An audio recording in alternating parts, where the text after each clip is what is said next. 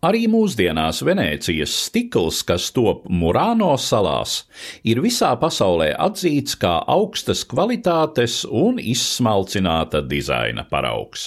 Tomēr īstos ziedu laikus Murāno stikla ražošana pieredzēja pirms vairākiem gadsimtiem, viduslaiku izskaņā un jaunajos laikos, kad šī ar tiltiem savienoto saliņu grupa Venēcijas lagūnā bija vispār atzīta kā Eiropas Eiropas izcilāko stikla izstrādājumu tapšanas vieta.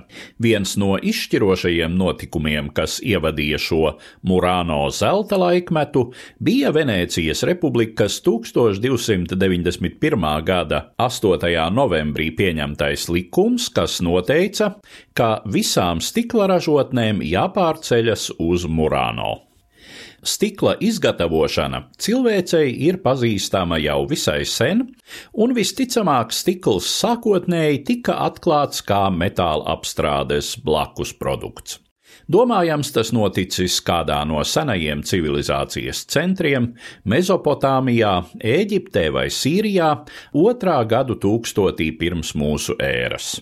Tomēr īsti masveidīga stikla apstrāde kļuva tikai Romas impērijā mūsu ēras pirmajā gadsimtā, kad stikla trauki un citi priekšmeti bija teju tikpat ierasti kā mūsdienās.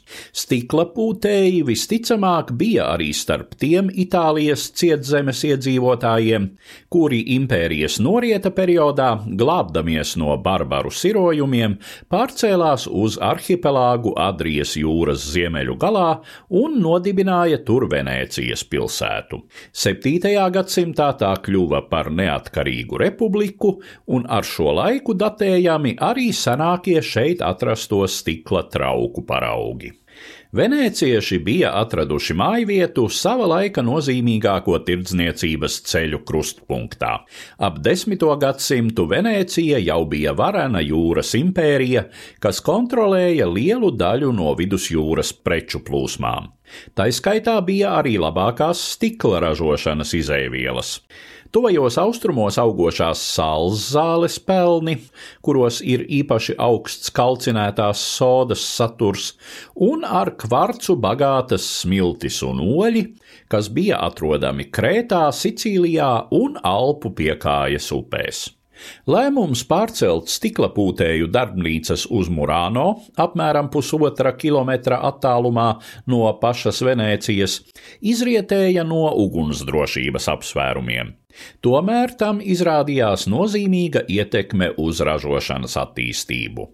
No ārpasaules fiziski un ar īpašiem cunftes noteikumiem izolētajā vidē tappa oriģinālas tehnikas, kurām līdzīgu nebija nekur citur.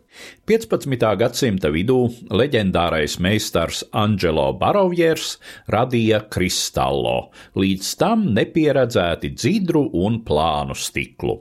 Iespējams, viņa radīti vai vismaz izkopti ir arī latīmo piena baltais stikls un pusdārgakmenim halcedonam līdzīgais kalcedonio.